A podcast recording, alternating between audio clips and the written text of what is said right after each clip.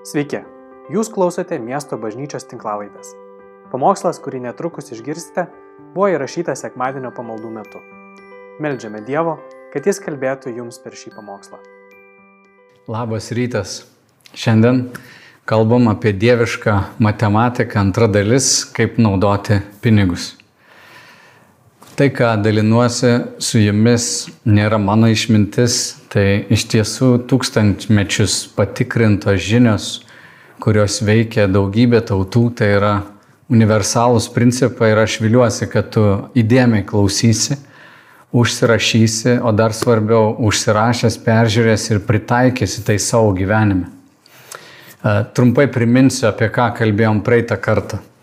Mes kalbėjom apie tokį pagrindą, kad mes kaip tikinti žmonės pripažįstam, jog mes nepriklausom patys savo, jog mes nesam savo gyvenimo kuriejai, mes e, esam kūriniai, mūsų visas gyvenimas priklauso Dievui. Ir Jis yra mums davęs galės kurti, vertę, e, gyventi, mylint jį, garbinant jį, tarnaujant jam. Kitas dalykas, kurį kalbėjom praeitą kartą, yra tai, kad pinigai nėra materialus dalykas. Pinigai tai yra tavo laiko, įgūdžių, e, tavo patirties, atkaklumo ir santykių suma. Žodžiu, tu kaip žmogus, ką tu sukuri, e, yra svarbiausias dalykas. Pinigai ar turtas yra tam tikra išraiška Bet kai mes kalbam apie turtus, mes kalbam apie visą tave ir apie tavo santykių su žmonėmis ir apie tavo vidinės nuostatas. Toliau kalbėjom apie tai, kad vertė yra e, nustatoma dviejų žmonių ekonomikoje, tai jų susitarimas ir kad vertė yra nuolat kintanti, nėra objektivaus būdo nustatyti kažkokią vertę. Ir tai labai svarbu įvairiuose mainuose, dėrybose ir kaip mes elgiamės su turtu Nes visada turim gerus santykius susitarti dėl verties ir ne visada kis. Tai čia atskiras toks mokslas. Ir paskutinis dalykas, ką kalbėjom, kad pinigai jie turi judėti. Ir judėdami pinigai mes garyšius, mes per ryšius sukūrėm vertę. Taigi pinigų nereiktų paslėpti, jie neturėtų būti sukišti koinę, bet kaip ir žydų kalboje tas žodis reiškia yra kilęs ar nuo delno, ar nuo pėdos, ką mes sukūrėm, kur mes nueinam, arba tas žodis zus reiškia judėti. Tai pinigų kaip įrankio paskirtis yra irgi būti mainų tokiu objektu, kur mes mesgam gerą santykį ir sukūrėm kažką gero dėl kito. Tai yra dieviškas būdas, kaip veikti. Ir Jėzus sakė, kad teisingas būdas mums gyventi ir naudoti turtus, tai visų pirma pripažinti, kad Dievas yra mūsų šeimininkas. Jeigu jis yra mūsų šeimininkas, tada pinigai yra puikus įrankis, o jeigu mes nepripažįstam Dievo savo finansų srityje ar ne pinigų srityje, vadinasi, mes galim pakliūti į pinklės ir pradėti tarnauti turtui, paversti jį ne įrankiu, o tikslu ir tokiu būdu, na, tarnaujam mamonai, žmogus gali parduoti ir savo sielą ir išsižadėti sažiningumo tam, kad turėtų to turto daugiau, turėtų kažkokių galių daugiau, bet tokiu būdu, būdu jisai kompromituoja tai, kas jis yra ir ilgalaikiai perspektyvoje, žinoma, tai neveikia. Bet pinigai, labai svarbu mums suprasti, nėra blogis kaip ugnis ar koks kirvis gali padaryti nuostabius darbus, taip pat gali padaryti ir žalos. Bet pinigai nėra blogis. Biblija sako, meilė pinigams yra blogis. Kai tu įsimylį įrankį, kai tu įsimylį kūrinį labiau nei kurėja, tau viskas gyvenime pradeda susijaukti. Taigi šiandien kalbam apie pinigų naudojimą ir kokia dažnai yra problema. Dažnai problema su žmogumi yra kokia kad žmogus neturi finansinės laisvės dėl to, kad jis turi skolas, jis neturi pasitenkinimo, jisai nesimėgauja tuo, ką turi ir negali būti dosnus. Ir šiandien aš noriu parodyti tokį kelią, kaip mums įeiti ir į tą laisvę, e, ir į pasitenkinimą, ir į dosnumą. Žodžiu, e, na, vėlgi pradžia tokia tam pasitenkinimui ir šitai kelioniai būtų svarbu savo pripažinti, kad viską, ką aš turiu, aš esu nenusipelnęs. Ir jeigu aš nenusipelniau to ir tai turiu, natūraliai mano širdį kyla dėkingumas. Žmogus, kuris tiki, kad jis viską sukūrė, pats padarė, viską užsidirbo, na, tai yra tiesiog teisingumas, kad jis turi kažkokią atlygį ir jo širdį jau neberas dėkingumo, nes jis viską pats valdo ir tvarko. Bet kaip Dievo žmonės mes pripažįstam, kad galimybės, materialusis pasaulis, kuris buvo iš neregimybės sukurtas regimas, yra mums padovanotas ir mes esam jo dalis, o mes kaip žmonės su nuodėminga tokia prigimtimi nesam nusipelnę tų visų gerybių, mes galim būti labai dėkingi. Todėl didinti turtą e, savo gyvenime nėra jokia problema arba nėra antikrikščioniškas, antidvasiškas kažkoks veiksmas. Labai svarbu, kur yra tavo širdis. Ar tavo širdis garbina Dievą, ar tu pasileidavat neteisėje mamoną garbinti. Pinigai, kaip Deivas Remžis, toks finansinis guru Amerikoje, kur daug metų jisai daro radio programas, televizijos laidas, išleidęs daug knygų, įkūręs organizaciją, kuri padeda ir bažnyčioms, ir, ir šiaip verslo įmonėms tvarkyti finansus, pas jį per 800 žmonių dirba. Tai Deivas Remžis sako, pinigai tiesiog padaugina žmoguje tai, kas jis yra. Tarkim, dosnus žmogus, turėdamas daugiau pinigų, jisai bus didesniem sumom dosnus. Bet bjaurus žmogus, nesažiningas žmogus, savo gale, kuri ateina per pinigus, per įtaką, jisai bus dar didesnis bjauruolis nei buvo prieš tai. At pinigai turi tą galę tiesiog padauginti tai, kas yra žmoguje. Todėl, kai mes kalbam apie pinigus, mums svarbiausia yra kalbėti apie širdies nuostatas, apie pačias vertybės ir kas mes esam. Nes sakėm, pinigai tai yra mūsų įgūdžių, mūsų laiko, mūsų atkaklumo, mūsų patirties suma ir, ir santykių su kitais suma. Taigi, aš vėlgi noriu pasinaudoti to Dievo Remzio uh, pat, uh, tokiais žingsneliais į tą finansinę tokią laisvę ir pasitenkinimą. Ir ypač jeigu tu esi prislėgtas, uh, turi skolų, jeigu tu galo su galu nesuduri, Jeigu tu nevedi biudžeto, žodžiu, jautiesi toks bejėgis ir kaip auka, tai būk labai atidus, bet tai, ką dabar tau pasakysiu, nuo šimta procentų veikia, jeigu tu tai naudosi.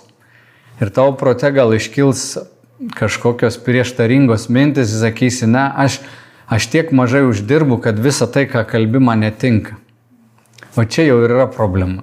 Šitas toks mąstymas jau yra problema Ir aš norėčiau ištaisyti tavo mąstymą ir pabandyti jį pritaikyti prie švento rašto. Tiksliau, tu pats turi nuspręsti prisitaikyti prie dvasinių principų, kurie yra išdėstyti Biblijai. Aš praeitą kartą minėjau, kad yra per 2000 vietų, beveik 2,5 tūkstančio įvairių nuorodų šventame rašte apie turtą, apie pinigus. Ir kaip tikinti žmogus, tu turi na, suprasti šitos principus. Bet tai yra penki žingsniai tokia laisvė, pasitenkinimą ir dosnumą. Pirmas dalykas - gyvenk pagal sudarytą biudžetą. Pirmas punktas - gyvenk pagal sudarytą biudžetą.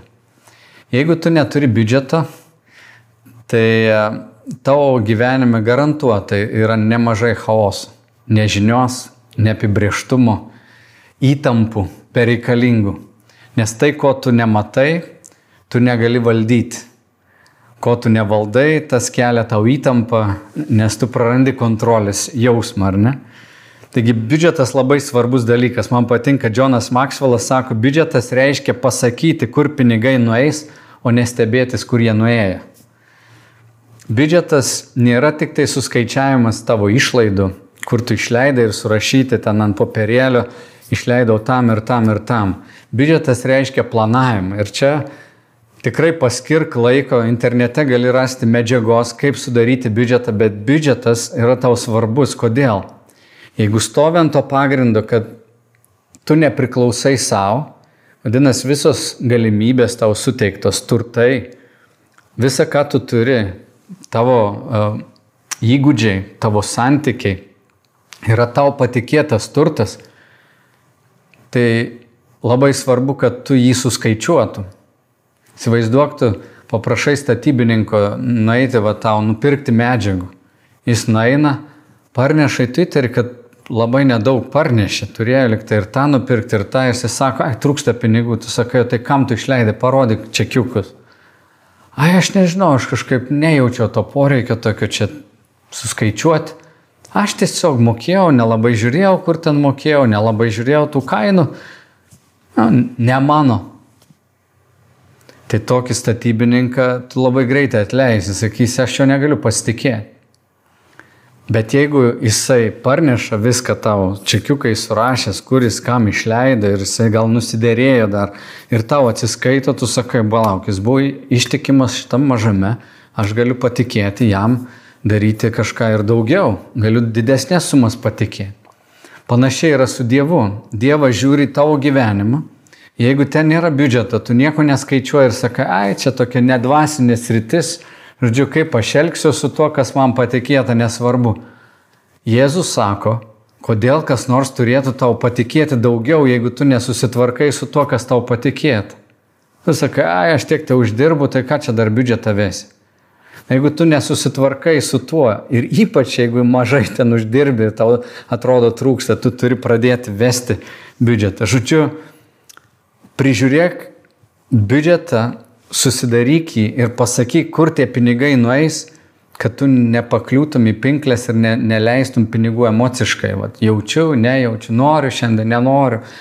Tu gali pasakyti, kur pinigai nueis, suplanuoti, prižiūrėti, matyti, kur jie eina o nestebėtis, palauk, dar dešimt dienų iki kito atlyginimo, kur visi jie dingo, niekaip nesuprantu.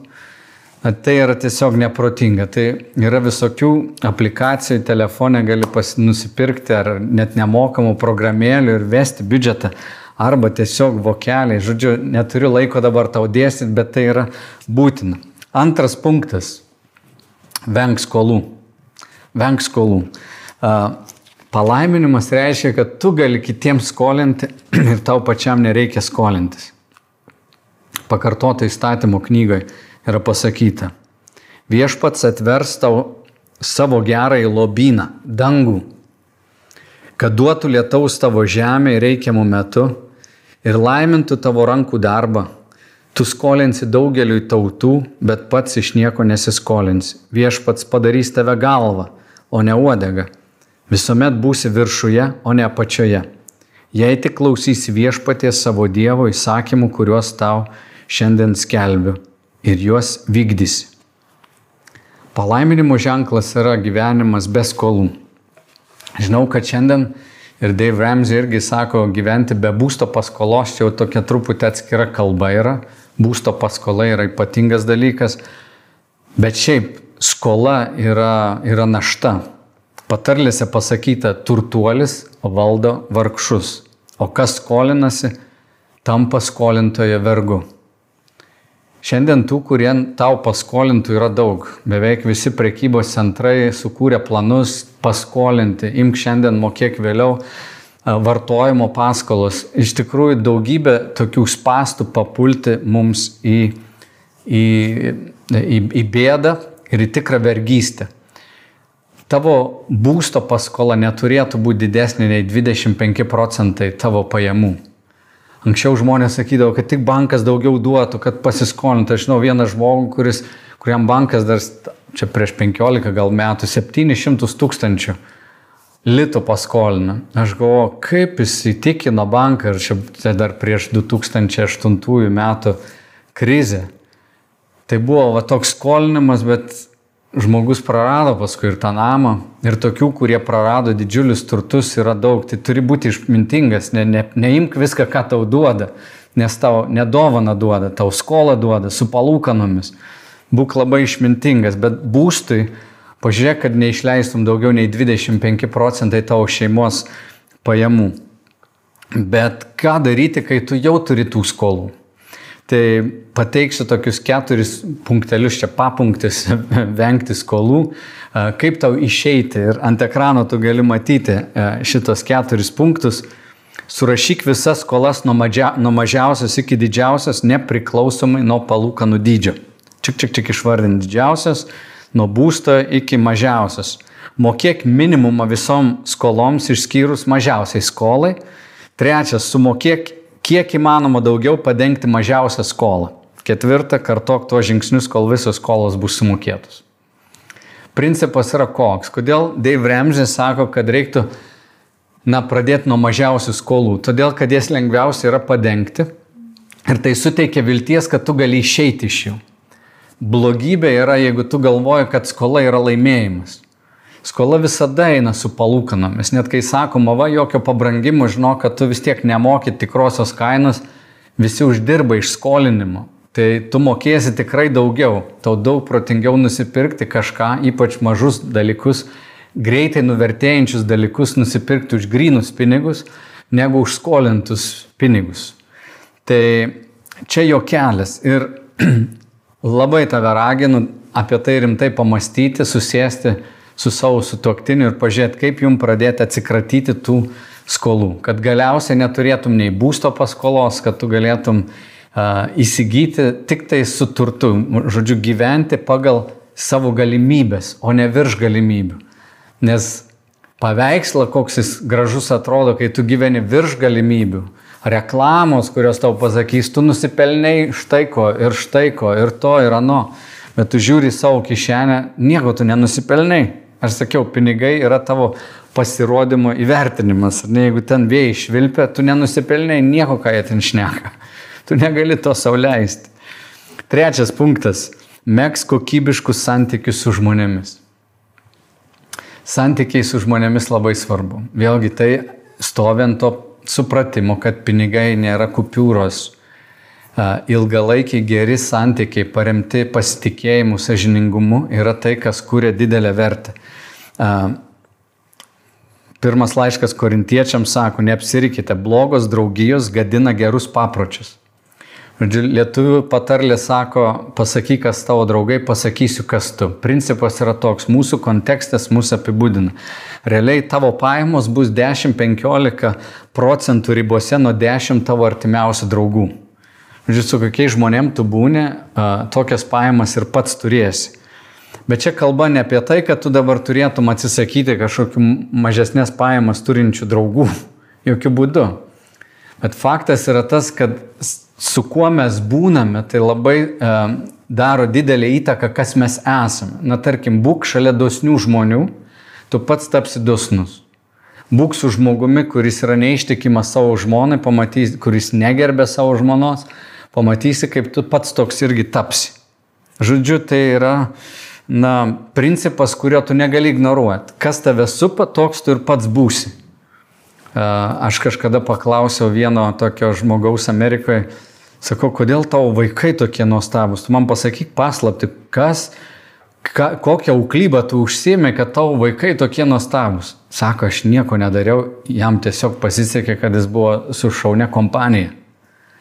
Nes principas toks, blogos draugijos gadina gerus papročius. Tai vad, kur paproti būti tarp žmonių, kurie sėkmingai elgesi su pinigais. Jeigu būsi tarp tų, kurie turi tokį aukos mentalitetą, nuolat skundžiasi, ant valdžios varo, e, iš pašalpų nori gyventi, dirbti nenori, kaip dabar vat, klausau mūsų statistiką, daugybė žmonių, net dabar nebepamenu tiksliai kiek tų tūkstančių, bet didžiulis skaičius, berods 25 procentai žmonių yra atsidūrę bedarbystėje, kai kurie jos vadina ilgal, ilgalaikiais bedarbiais. Tai yra, jie net nebenori grįžti į darbo rinką. Kažkur čia padirbsiu, kažkur čia, vat, po staliuku man sumokės. Tai nėra sveikas mąstymas, tu būsi tarp tokių pats toks tapsi. Bet žiūrėk, kaip tau na, teisingai, bibliškai tvarkyti pinigus, nes Dievas tau davė tavo gyvenimą, už kurį tu ir aš turėsim atsiskaityti. Ketvirtas punktas Taupyk ir investuok. Taupyk ir investuok. Statistiškai kiekvienas žmogus gali gyventi be 10 procentų savo pajamų. Aš atsimenu metus ištisus, kai mes su žmona irgi galo su galu nesudurdavom, atrodo. Ir, bet padarėm sprendimus tokius 10 procentų nuo savo pajamų mes visada atiduodam Dievui, visada aukojam. per 30 metų yra buvę gal 2 mėnesiai, kada aš nu, iš Dievo pavogiau.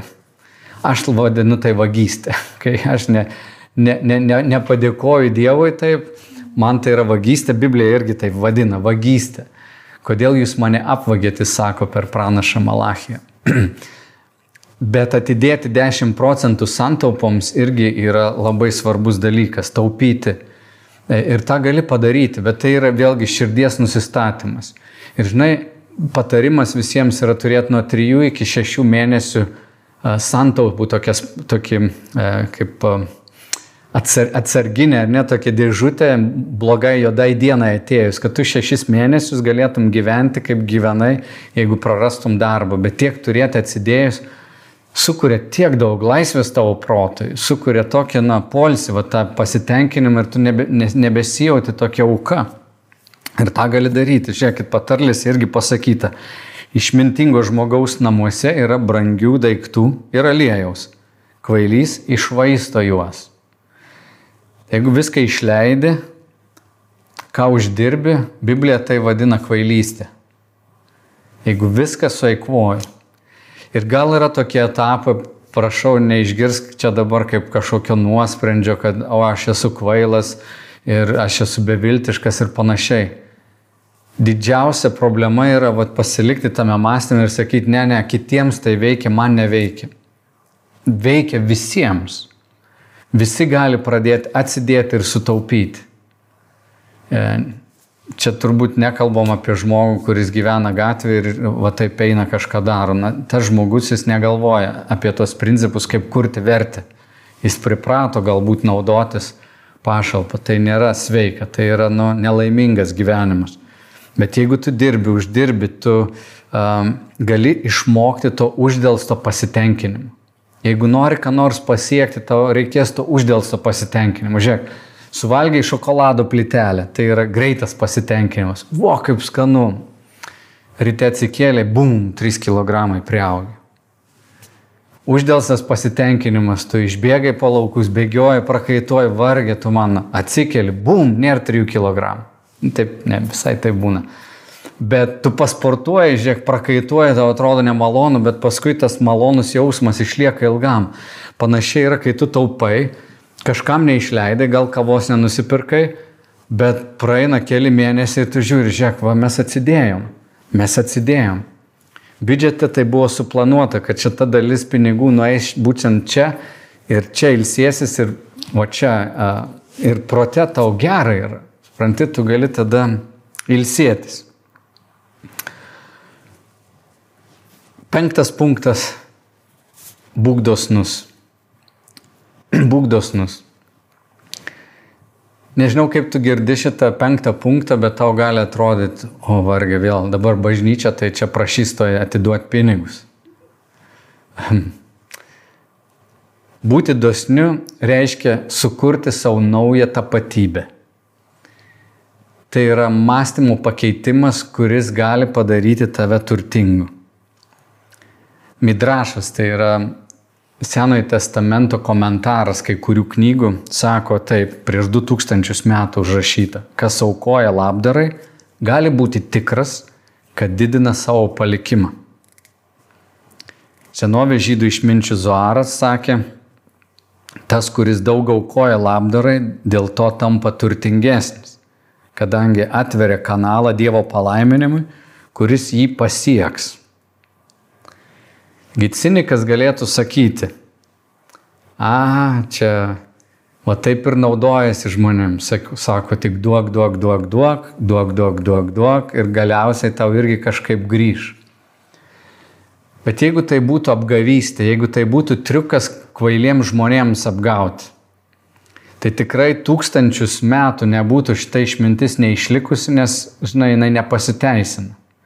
Šiandien lietuviai turi visokių prietarų. Nu, šiaip apskritai žmonės, ar ne? Vat juoda katė prabėgo pro kelią ir šiandien klausiausi per radiją apie taksistus, sako, yra buvę, kad net taksistai prietaringi, tokie daug jų yra prietaringų, bet sako, kartais ir žmonės net važiuoja taksi, juoda katė prabėga, jisai sako, viskas, aš toliau nevažiuosiu, išlipa iš taksi. Tai čia yra kvailas prietaras, jis nepasiteisina. Tu gali jo tikėti, bet jis nepasiteisina. Bet kai mes kalbam apie dosnumą, apie aukojimą, aš toj paaiškinsiu, kodėl tai veikia, šita išmintis tūkstančius metų yra atlaikiusi ir jinai neapibūdina šiaip elgesio, jinai apibūdina va šitą išmintis tikrovę, kas iš tikrųjų vyksta su žmonėmis, kurie yra dosnus, kurie aukoja. Laiškė korintiečiams daugam žinoma tokia eilutė pasakyta, kiekvienas tegul aukoja, kaip yra širdie nutaręs, negailėdamas ar verčiamas, nes Dievas myli linksmą davėją. Čia mes matom laisvą apsisprendimą, kiekvienas tegul aukoja, kaip jis pats širdyje yra nutaręs. Dievui nereikia, kad žmogus aukotų gailėdamasis arba verčiamas. tai yra prievarta. Jeigu tu išgirsi kažką, kuris tave manipuliuos, kad tu gailėtumės, taip žinai, a, kaip gaila, bet nu, nu imk, nu ką padarysi. Tai tas žmogus nuėjęs, jis paskui keiks tave, nes tau atidavė pinigus. Tai tokio santykio niekam nereikia ir Dievas tokio nenori. Arba verčiamas. Tai kai Dievas sako, tegul kiekvienas aukoja, tegul tai daro, tegul būna dosnus, tai jis nenori mūsų pavergti, priversti ir nuskurdinti.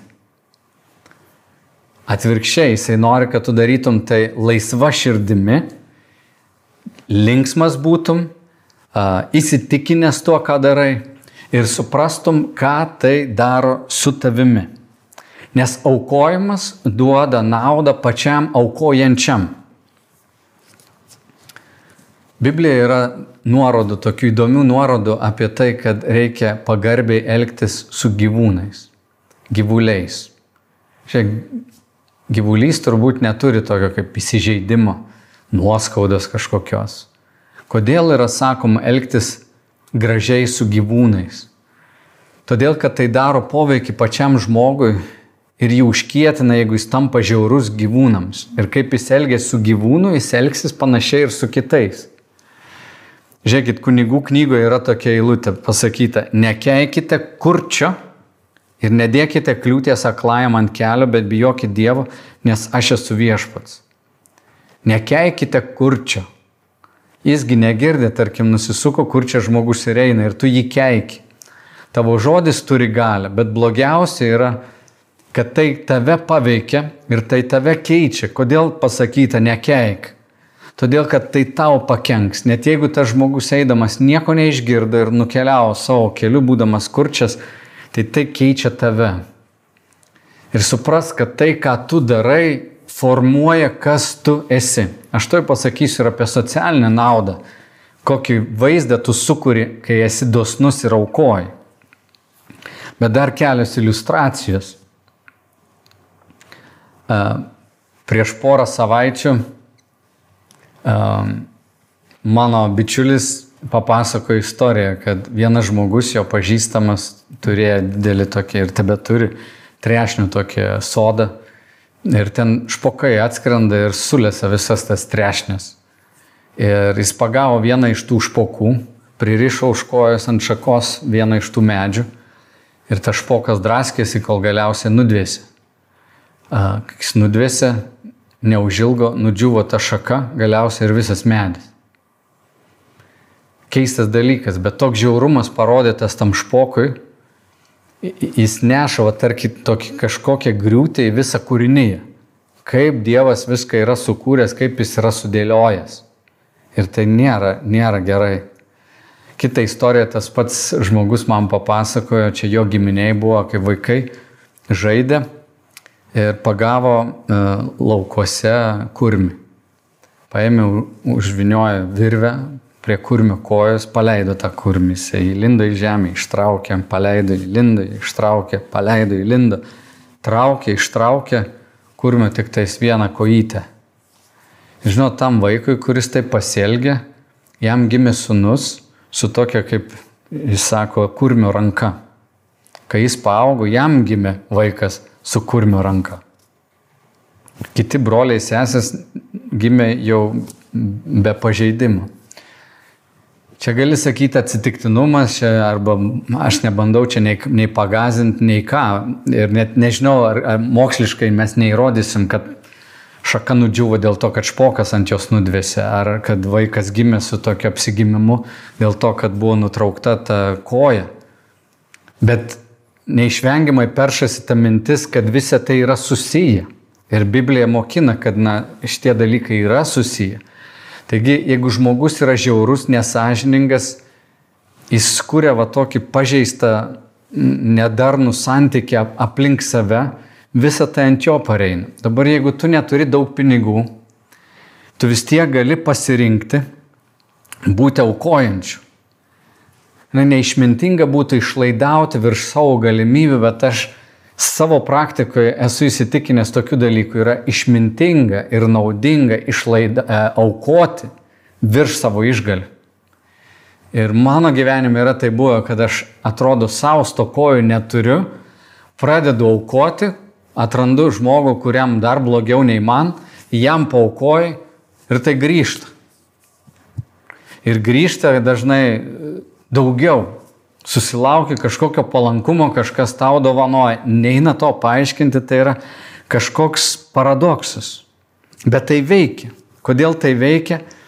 Nes tai rodo, kad žmogus, kai jis turi ką duoti, o ne desperatiškai nori kažką gauti, jisai sukuria aplink save tokią nu, visai kitą atmosferą. Yra tau buvę, kad tu ateini į turgų ir tau kažkas bando įkišti tą prekę. Aš pamenu, Makedonijoje mes buvom ir ten vienas turkas pripuolė prie manęs ir taip gražiai jis ten kalbėjo, paskui taip kišo. Ir kišo, kišo striukę nusipirkti. Galiausiai pasimatavau ir aš to etiketo nežinau, to turgaus gatvės tuo metu pasimatavau, tai jau čia reiškia, nu viskas, aš jau pirksiu. Ir sakau, nu nelabai man patinka, jisai dar kiša, dar kiša, stumės, stumės, stumės, sakau, ne, atsiprašau, aš nenoriu pirkti. Gal aš kultūriškai kažką pažeidžiau, bet kai aš atsisakiau, jis taip inirto, vos neprakeikė manęs, taip supyko, kaž savo kalbą kažkokius žodžius, žodžiu, pasiuntė mane. Aš taip nepatogiai pasitau. Bet gyvenime iš tikrųjų taip yra, kai tau bando kažką įkišti, piršti, tu nori bėgti nuo jo. Žiūrėkit, Biblijoje yra tokia eilutė patarlėse pasakyta, bet turčio broliai nekenčia jo, tuo labiau jį palieka jo draugai. Kaip jis beprašytų, jie šalinasi nuo jo. Tai kai žmogus yra um, reiklus, jisai turi daug tų poreikių, jis ateina ir visi intuityviai jaučia, ko jis dabar manęs prašys, ko jam iš manęs reikia, ką jisai dabar nori čia padaryti. Ir tai sukuria atstumą. Ir Biblija labai aiškiai sako, kad tai yra principas. Žmogus, vat, kuris nori skolintis, jis yra truputį atgrasus, Tai patarimas tau nesukurti tokio įvaizdžio, kuris visą laiką ateini, žinai, kalbėsi su žmogum, bet tokia nematoma rankelė visą laiką ištiesta. Ir labai įdomus principas biblinis veikia atvirkščiai, kai tu ateini ir tu esi pasiruošęs duoti, kad ir nedaug, bet tavo nuostata yra gal aš galiu kažką duoti, tai traukia žmonės, tai sukuria kitą vaizdą. Ir čia va tas paradoksas, kad žmogus, kuris aukojas yra dosnus, mėgsta dovanas duoti, na, aplink jį būrėsi žmonės. Jis pritraukia galimybės, pritraukia naujas gal sutartis, įdarbinimo variantus įvairius.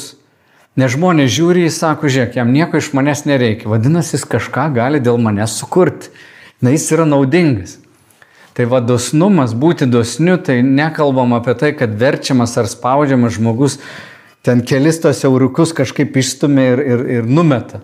Ne apie tai kalba atvirkščiai tu pakeiti tapatybę iš tokio vargšo mentaliteto, kad man reikia pasiskolinti, iš kažko gauti, gal kažką paimti, į tokį, kad aš noriu dovanoti, aš noriu duoti.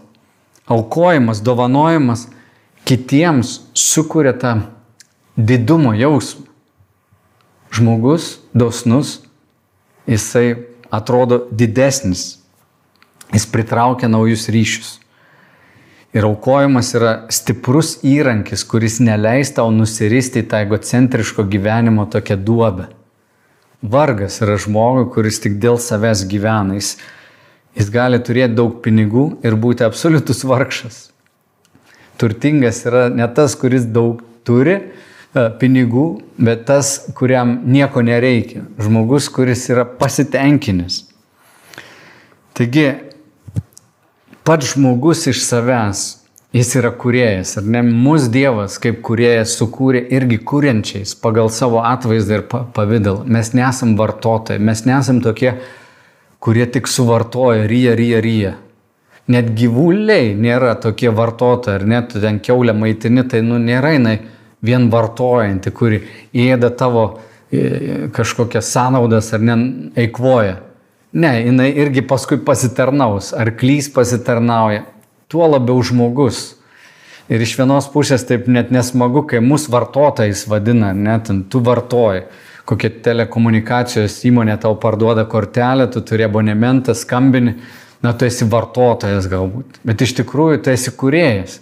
Tu naudoji jų paslaugą, bet tu mesgi ryšius, tu kažką kuri, tu vis tiek sukuri. Ir kaip žmogus, tu esi kuriejas, o ne vartotojas. Kodėl tai svarbu suprasti, kodėl svarbu tą tapatybę savo priimti kaip Dievas, kuris myli ir atiduoda savo viengimį sūnų už mus, kad ir mes tai, ką esam gavę, atiduotumėm, būtumėm dosnus, nes kaip mes save matom, kaip mes kitus žmonės matom, jeigu matom juos ne kaip vartotojus, o kuriejus, mūsų santykis su jais keičiasi.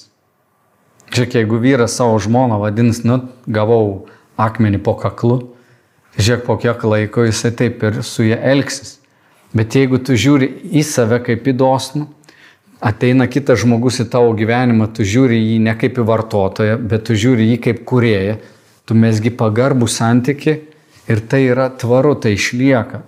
Tie mainai, jie kurs vertę, kaip sakiau, tu sukursi judėjimą. Todėl sukurk savo naują tapatybę davėjai ir pradėk nuo to būk aukojantis, būk duodantis. Mano malda už mus visus, kad mes būtumėm radikaliai dosnus ir pamatytum tą džiaugsmą. Nežinai, viena yra nusipirkti savo gerą daiktą. Tas džiaugsmas išgaruoja gan greitai. Savaitę, dvi ir jau gali galbūt nebe, nebeturėti tokio pasimėgavimo. Bet kai tu padovanoji kažką, žmogui, kuriam reikia kokios paslaugos ar daiktą. Tu prisimeni po metų, praeina dešimtmečiai, tau tai teikia na, tokį gerą pojūtį. Ir tam mes esam pašaukti. Toks yra mūsų viešpats, jis yra dosnus.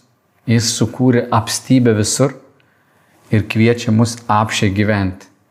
Taigi susitvarkykim savo finansus, kad būtumėm be skolų, kad gyventumėm pasitenkinime ir galiausiai būtumėm radikaliai dosnus. Meldžiu viešpatie iš savo didžios malonės. Išmokyk šių principų mano brolius sesės, ar netgi žmonės, kurie klausosi ir gal nėra tikėjimo bendruomeniai. Aš meldžiu Dievę, kad šitie principai išplistų, kad Lietuvoje gyventi būtų gera, kad mes turėtum teisingą supratimą į turtą, netarnautumėm turtams, tarnautumėm tau. Ir meldžiu, kad tavo bažnyčia būtų tas didelis gėris visuomeniai, kad tavo tauta būtų palaiminimas, būtų galva, o ne odega, galėtų kurti, laiminti, skolinti, duoti, o ne ieškotų, kur gauti. Meldžiam viešpatė visų šių dalykų. Tavo brangių vardu. Amen. Ačiū, kad klausėte. Daugiau informacijos apie miesto bažnyčią rasite internete www.m-b.lt arba Facebook, Instagram bei YouTube paskiruose.